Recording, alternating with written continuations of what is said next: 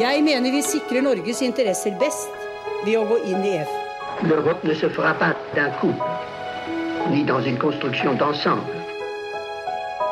Das beste Mittel, um eine Politik zu treiben, die sich auf Vertrauen gründet. Dette er ikke noe vanlig samarbeid mellom selvstendige nasjoner. Dette er en sterk og dyp integrasjon. No, no.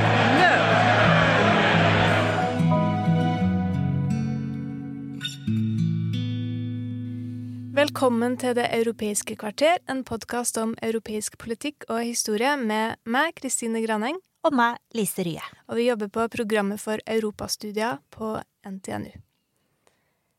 Vi har snakka en del om utvidelse, eh, om EU blir større, om, om, EU skal bestå av flere medlemsland i framtida, i podkasten det siste året. Og det er jo noe som stadig blir aktualisert, for det skjer ting på området. Og det siste som har skjedd, det er at kommisjonen har kommet med en utvidelsesrapport. Det gjorde den 8. november. Den hadde en gjennomgang av søkerlandene, landene som står i EU sitt venterom. Og da anbefaler de at medlemskapsforhandlingene skal starte med at det skal startes opp forhandlinger med Ukraina, med Moldova, med Bosnia-Hercegovina. Og de anbefaler også at Georgia skal få kandidatstatus. Ja. Så det skjer ting på området. Det gjør det absolutt. Eh, og i tillegg så må vi jo nevne at EU forhandler jo også med Albania, med Montenegro, med Serbia og Nord-Makedonia. Så selv om det er lenge siden, eh, det er lenge siden EU sist tok inn et nytt medlemsland, det var i 2013, men eh, utvidelsespolitikk det har steget på den politiske agendaen. Mm. I episode 37, tror jeg det var, da snakka vi om hvordan denne prosessen foregår, og også en del om hvordan de her landene ligger an. Men en annen side ved det her, det er jo det at EU også må ta noen grep. Det er ikke bare de som vil bli medlem, som må gjøre noen grep for å, for å kunne kvalifisere til medlemskap, men EU må også forberede seg på å ta imot nye land. Og vi har igjen en gjest i podkasten. I denne episoden så er vi så heldige å ha med oss Martin Moland. Velkommen til oss, Martin. Takk for det. Du sitter jo eh, hos Arena i Oslo og er nettopp eh, eh, disputert, nettopp forsvart en avhandling som handler om det her med at det finnes ulike synspunkter på et, eh, det man kaller et differensiert EU. Og det skal vi snakke litt mer om etter hvert. Men da du forsvarte denne avhandlinga, så hadde du jo blant annet en prøveforelesning som handla om det med utvidelse og ekstern differensiering, eh, med krigen i Ukraina som bakteppe. Og det er jo nettopp det her som har gjort at, at det igjen har blitt et veldig relevant spørsmål for EU å ta opp nye medlemsland. Og det, det ble veldig tydelig i september. Det har vi også snakka om tidligere, den um, State of the Union-talen som Ursula von der Leyen holdt der hun sa det at det å fullføre EU og, og bli et større EU EU er et svar på historiens kall. Store ord. Men det er jo også en, en stor oppgave EU står overfor. Og hva, hva er det egentlig som forklarer at EU-institusjonene nå åpner døra for nye medlemsland, tenker du, Martin? Altså, det ligger jo på en måte litt i det Ursula von der Leyen sa, både hva hun sa, men også når hun sa det. Altså dette med historiens kall. Det, dette uttrykket hun bruker, handler jo om dette normative ønsket som EU-institusjonene har om et mer forent EU. Eh, men samtidig så, så har de begynt å snakke mye mer om dette normative ønsket. Eh, i løpet av det siste året. Og det åpenbare bakteppet her er jo selvfølgelig Ukraina-konflikten. Altså det handler om Det handler om et behov for eh, å et, et, behov fra EUs side om å styrke seg som en sikkerhetspolitisk aktør i nye regioner eh, utover der de i dag eksisterer, f.eks. i de tidligere sovjetstatene, men også på en måte på Vest-Balkan, eh, i det vi kaller det, det østeuropeiske nabolaget i Moldova og Ukraina. Så det er på en måte en dobbelthet her med både et normativt ønske om å forene EU, om å forene Europa, men også noen meget sånn klare og meget realistiske vurderinger av hva som vil tjene EU som sikkerhetspolitisk aktør best, som jeg tror ligger bak at det bringes på banen nå. Mm. Og det er jo viktig å påpeke at det er en prosess som ikke Det er jo medlemsland, eller ikke medlemsland, det er kandidatland som har vært der over lang tid, men det har ikke skjedd så mye i den prosessen. Så, så det som har skjedd, er jo at det har skjedd en fortgang. Eh, man har satt det på dagsorden. Er det også mulig, Martin, å si noen ting om hvor i EU eh, dette initiativet kommer fra? Vi, vi, vet jo at vi har Det europeiske råd som eh, skal sette kursen for EU, og så har vi kommisjonen som har sin initiativrett og dermed en viktig rolle som agendasetter. Og nå nevnte vi Ursula von der Leyen og State of the Union-talen i stad, men den Granada-erklæringa som kom i oktober, er jo ganske sammenfallende med Ursula von der Leyen sin tale. Så hvem er det egentlig som har satt en utvidelse østover på agendaen i EU nå? Vet vi noe om det? det den er jo den er overraskende sammenfallende i, i forhold til hvor kontroversielt det spørsmålet om utvidelse til disse landene har vært, har vært lenge. Um, og vi så jo veldig vi så veldig tidlig etter at Ukraina-krigen ble en realitet, at bl.a. Europaparlamentet var tidlig, var tidlig ute og sa noe om at nå bør det komme kandid en kandidatstatus for Ukraina. Eh, men vi har også sett på en måte toneangivende fransk, eh, f.eks. Macron. Eh, og på en måte toneangivende ledere eh, av medlemslandene, som også har veldig tidlig ga uttrykk for det samme. Så her tror jeg på en måte at det er eh, et, på en måte, et samla institusjonelt landskap. Det er på en måte parlamentet, eh, rådet og kommisjonen som, som trekker prinsipielt i samme retning. Um, hvorvidt det vil være eh, like realistisk når vi kommer inn i de mer detaljerte diskusjonene om ukrainske landbrukssubsidier, eh, serbisk, serbiske rettsstatsprinsipper osv., er vel er vel kanskje heller tvilsomt. Mm. Det har vi sett eksempel på allerede. at uh at det er en del konflikter som, som uh, ligger og, og, ulmer litt. Og det er jo, som du sier, Martin, et veldig tydelig ønske om, i hvilken retning man, man, vil. At man ønsker et større EU, at, at man ønsker å, å, forene Europa, som du sier. Uh, men, men, det er jo, som også nevnt, mange av de her kandidatlandene som har stått i venterommet lenge allerede, og det viser jo at det, det er krevende. Så, så, hva er det som, hvis vi skal se litt større på det, hva er det som gjør det krevende å utvide EU til flere land og ta inn de her kandidatlandene? Altså, altså, det som gjør det krevende nå, er jo at de landene som gjenstår, er forskjellige eh, fra de eksisterende medlemslandene på helt sentrale områder. Eh, vi ser Serbia med svært store rettsstatsutfordringer.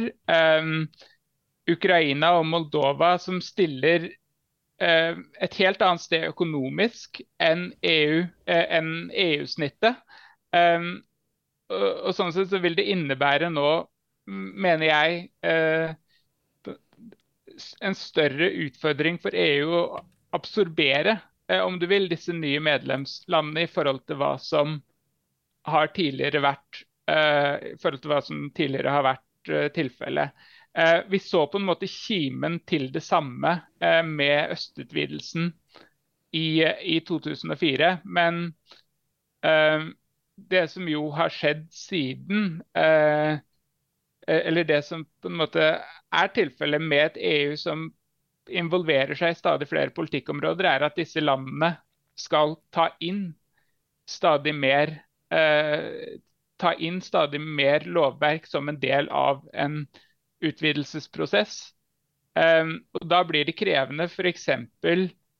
når du har Ukraina, som selv før krigen slet med veldig begrensa kapasitet, f.eks. For i forvaltninga. Kan vi se for oss Martin, at EU vil gå på akkord med København-kriteriene, altså de her etablerte kriteriene som kandidatland må oppfylle, og i stedet gi prioritet til størrelse og vekt, som Ursula von der Leyen eh, omtalte som, eh, når man skal eh, vurdere hvorvidt de her landene skal få komme inn i unionen etter hvert?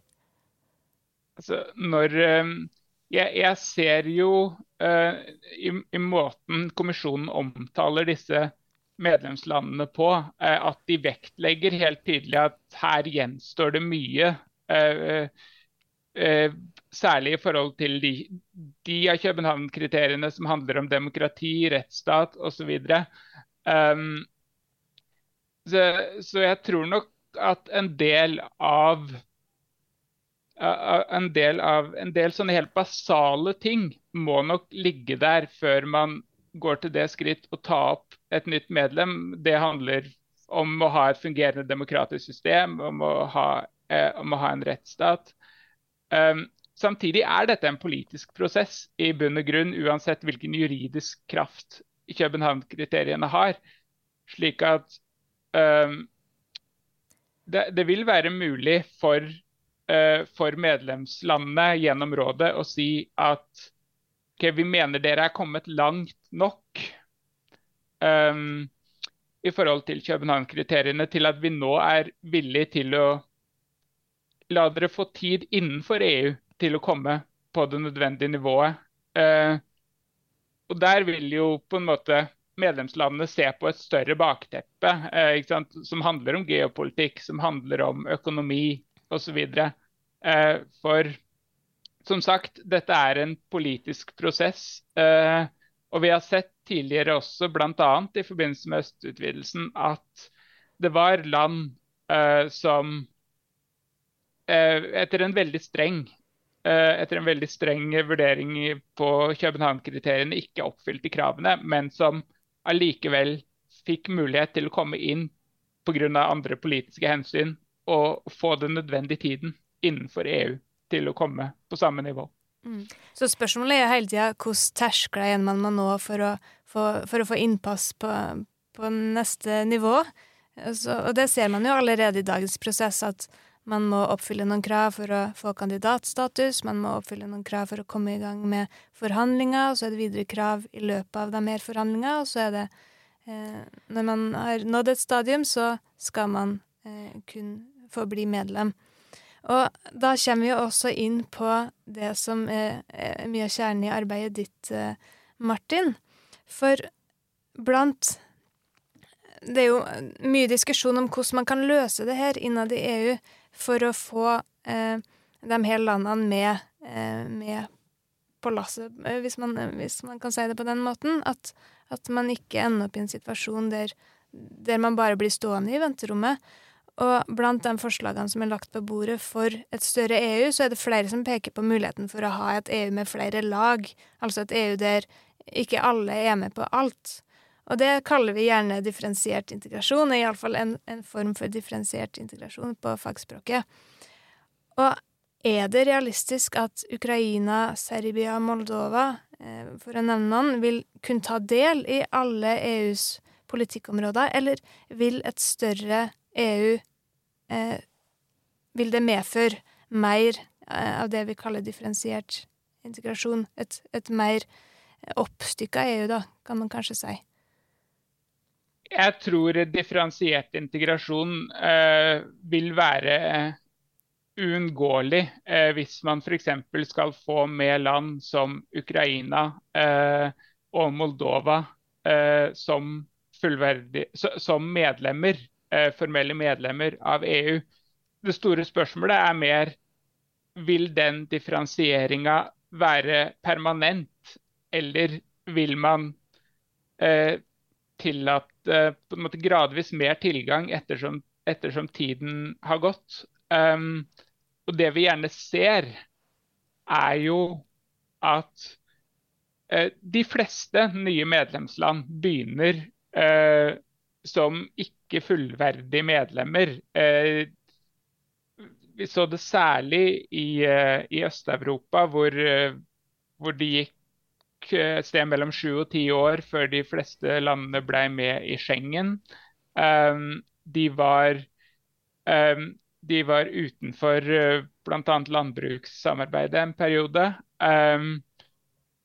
Og det er og på en måte det, Dette har vært et trekk ved utvidelser av EU helt tilbake til, uh, helt tilbake til Spania og eh, Hellas kom inn på 70- og 80-tallet. Mm, det um, eh, Det var jo også oppe i de norske forhandlingene om medlemskap, den type overgangsordninger. Men, eh, men brukt på en litt annen måte. Absolutt. Men det er noe vi kjenner godt til fra, fra historien. Og vi, og vi, kjenner jo godt uh, vi, kjenner, vi, lever jo i dag også med, over, med, det som var tenkt som en overgangsordning. EØS-avtalen var jo tenkt som en overgangs Eh, som en overgangsordning, og derfor har vi alle disse unntakene. Så, så dette, er måte, uh, dette er jo på en måte et landskap der vi har begynt med unntak fra noe, og siden har kunnet velge oss inn i samarbeid. Uh, så dette er kjent stoff også fra, også fra et norsk perspektiv. Men, men, hvis vi får et enda mer differensiert EU, Martin, enn det vi har i dag, hva vil det ha å si for de landene som allerede er fulle medlemmer? Vil det, på, vil det også påvirke dem? Altså, det vil jo eh, det, Den store på en måte de, de, som jo først og fremst merker disse ordningene, er de landene som, eh, så, som blir utsatt, om du vil, for denne differensieringa. Det, det, er de som ikke har de samme rettighetene som andre medlemsland. Men det, det kan jo komme noen utfordringer f.eks. med at Ukraina, eksempel, eh, som ikke bare er et stort land geografisk, men også er et stort potensielt marked, eh, vil ikke være tilgjengelig på samme måte eh, for bedrifter i de eksisterende I hvert fall ikke tilgjengelig på de samme vilkårene vilkåra. Um, om man ikke har et fullverdig medlemskap. Uh, F.eks. hvis det ikke er, ikke er, samarbeid om jordbruksprodukter. Hvis de er unntatt fra jordbruksbestemmelsene, så vil det potensielt komme, komme noen, toll, uh, noen tollbestemmelser inn, som vi f.eks. har i Norge. Mm. Det er jo en del forslag som, som nevnt som, som blir lufta i den forbindelse, og da snakker man gjerne litt i, i, grove trekk. De eksemplene du nevner, er jo ganske sånn spesifikke eksempel, som Schengen, eh, jordbrukspolitikken. Men, men, kan du ikke eh, si litt om det, Martin? Hva er, er det som blir foreslått av, av den type forslag? Altså, eh, Europakommisjonen har jo egentlig helt siden brexit vært i en slags sånn litt søkende dialog eh, med de andre institusjonene for å, for, for å, starte en debatt om hva, hva man vil eh, Om hva man ønsker eh, at EU skal være i en ny tid. Og da er det på en måte alt fra det som er den tradisjonelle EU-holdninga om ever close reunion, altså land som på en måte lineært beveger seg nærmere hverandre i et stadig dypere samarbeid, til, det de kaller uh, til, det de kaller 'only the single market'. Altså at man rett og slett skreller vekk eh, de, denne ambisjonen om tettere samarbeid i alt annet enn eh, om, om, alt annet enn det indre marked, og gjør det til mer klubbsamarbeid, om du vil, der man kan velge seg inn og ut. Um, så, sånn at dette er en levende diskusjon innad i EU innad i EU-institusjonene. EU um, men, men, samtidig så er det jo ikke sånn at dette at differensiert integrasjon er, et, er noe som man kanskje får i framtiden. Dette er jo en realitet eh, også også i dag. Noe som er litt viktig å ha med som et bakteppe når man vurderer det som en framtidig, som en fremtidig modell, og hvor dramatisk dette vil være for mm. EU. Spørsmålet er kanskje mer hvor formalisert det er. Eh, for de, um, de formene for differensiert integrasjon som vi har i dag, er jo uh, og Gjerne korriger meg her, Martin, hvis du tenker det annerledes, men, men det er jo mer sånn adhoc-løsninger som har kommet til. Altså, de, de, er jo, de er jo på en måte de er, de er, formalisert i den forstand at de eksisterer i regelverket. altså De er tillegg til traktatene osv. Men, men du har nok helt rett i at altså, hver enkelt tilfelle av differensiert integrasjon på en måte eksisterer for å løse et spesifikt, et spesifikt problem. Um, I Storbritannia f.eks. Uh, så, så, var problemet i 1992 at de rett og slett bare ikke ville inn i eurosonen. Uh, og da blei det unntaket de har fra eurosonen, en løsning på det. Uh, I forbindelse med østutvidelsene så, så, var problemet at man hadde et veldig stort gap økonomisk mellom de nye og de gamle medlemslandene. Og da blei denne type unntak Eh, en løsning, eh, en, en løsning på det, som fantes i, regel, i, regelverket. Men eh, de, blei jo utformet for, for, sin helt spesifikke kontekst. Men hvis vi ser for oss en situasjon hvor EU får nye medlemsland som står utafor store og viktige deler av EU-samarbeidet, vil de allikevel få full adgang til EU-institusjonene? Det, det, er jo det som, Det er jo tilfellet um, tilfelle i dag rent formelt på, uh, viktig, på de aller fleste områder at på en måte alle f.eks. land av at alle, at alle land har mulighet til å ha representanter med fulle rettigheter i Europaparlamentet. Eh, sånn at også, også Sverige f.eks. har stemmerett i saker som handler om EUs finanspolitikk. Mm. Eh, kanskje det største unntaket fra det, og det som på en måte er litt problematisk her, er at um, særlig for eurosonen så har stadig mer makt blitt flytta over i det vi kaller eurogruppen. Uh, som er en mer sånn semiformell sammenslutning av eurosonens finansministre, som har fått stadig større makt uh, i viktige økonomiske spørsmål, uh, og hvor disse landene som står utenfor på ulike måter, uh, enten det er mid tenkt midlertidig eller fordi de har valgt å være utenfor eurosonen, ikke har adgang på samme måte. Så Det er jo et eksempel på at, at man det er jo litt eksperimentelt. Man veit ikke helt hva som skjer når man, man får denne type former for, for unntak.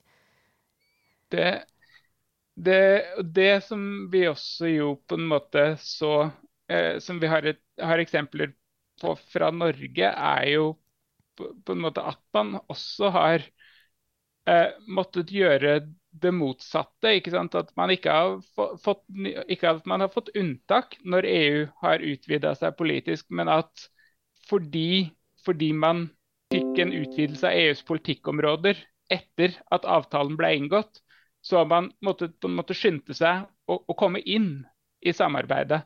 Eh, sånn at det skaper et, et mer sånn det skaper en større usikkerhet rundt hvilke rettigheter f.eks innbyggere har på, på, ulike, på ulike, områder.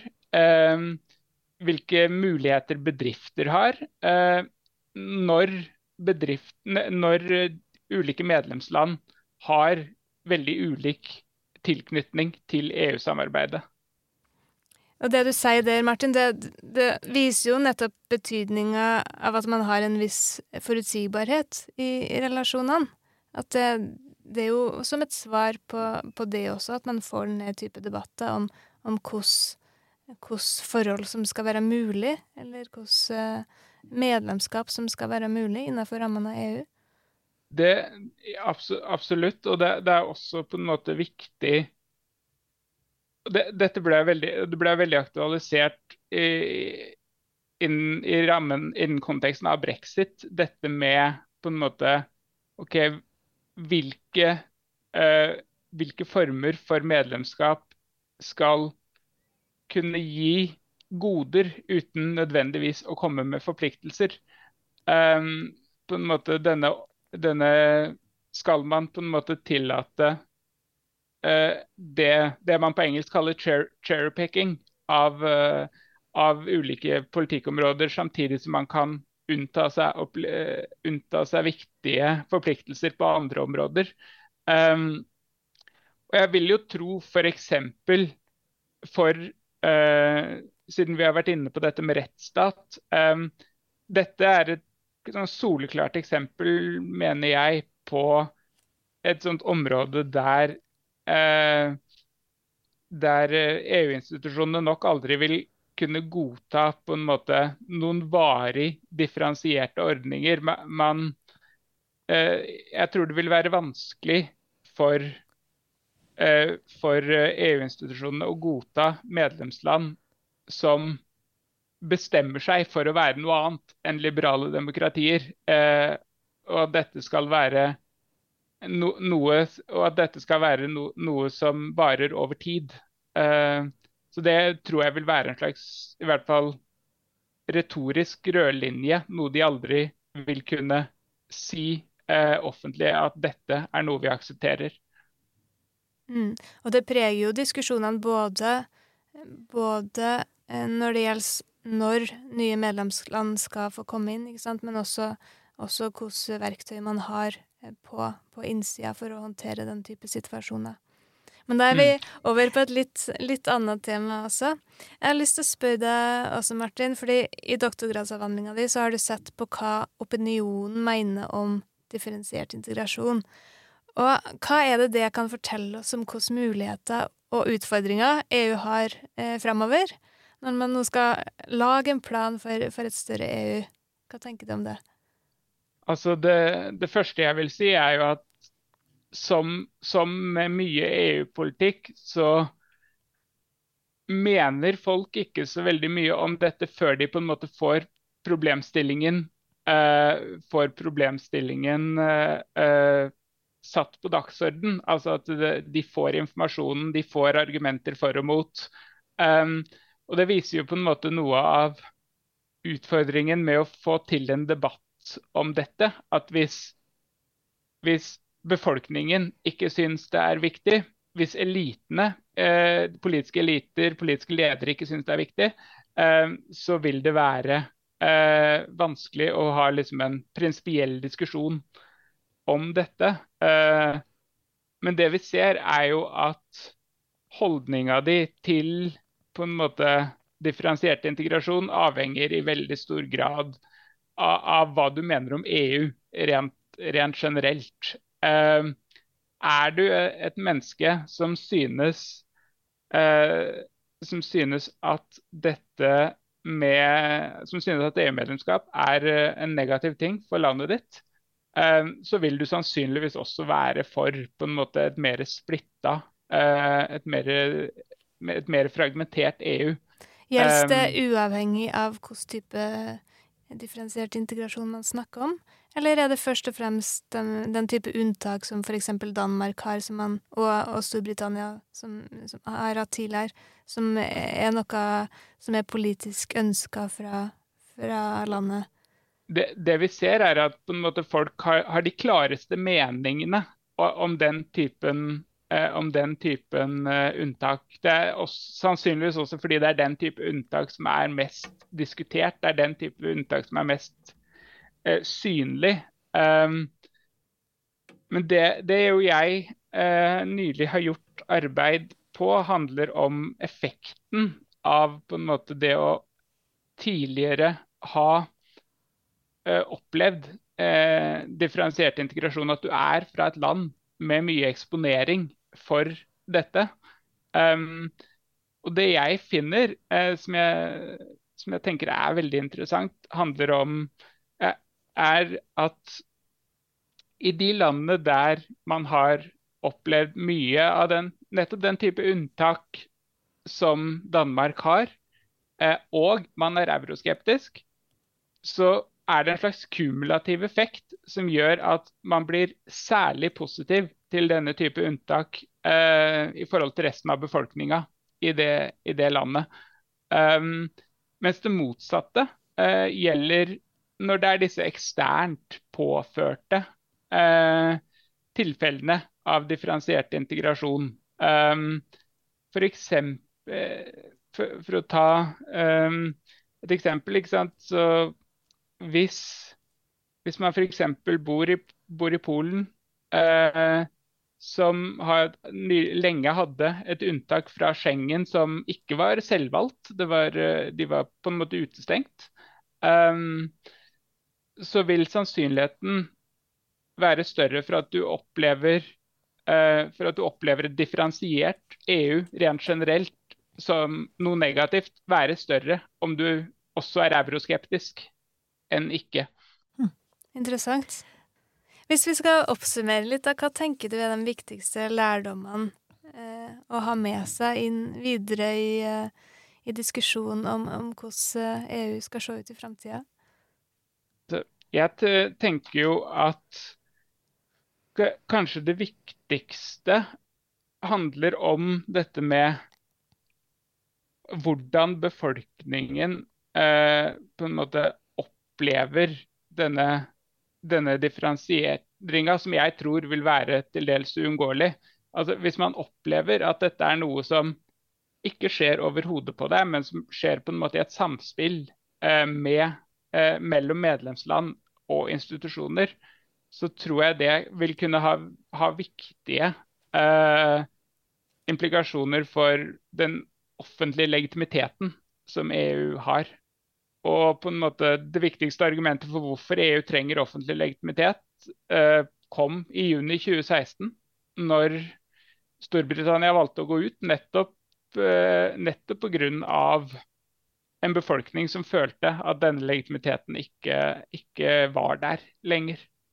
Så, så, midt oppi de her store diskusjonene som eh, statsledere gjør seg imellom, og, og EU-presidenter eh, e fører, og ja, som skjer på denne, som Som elitene fører, så må vi ikke glemme at det er også en befolkning som, som skal med på laget. Det tenker jeg at uh, kan være et godt sluttpoeng. Tusen takk, Martin, for at du var med oss. Takk for det.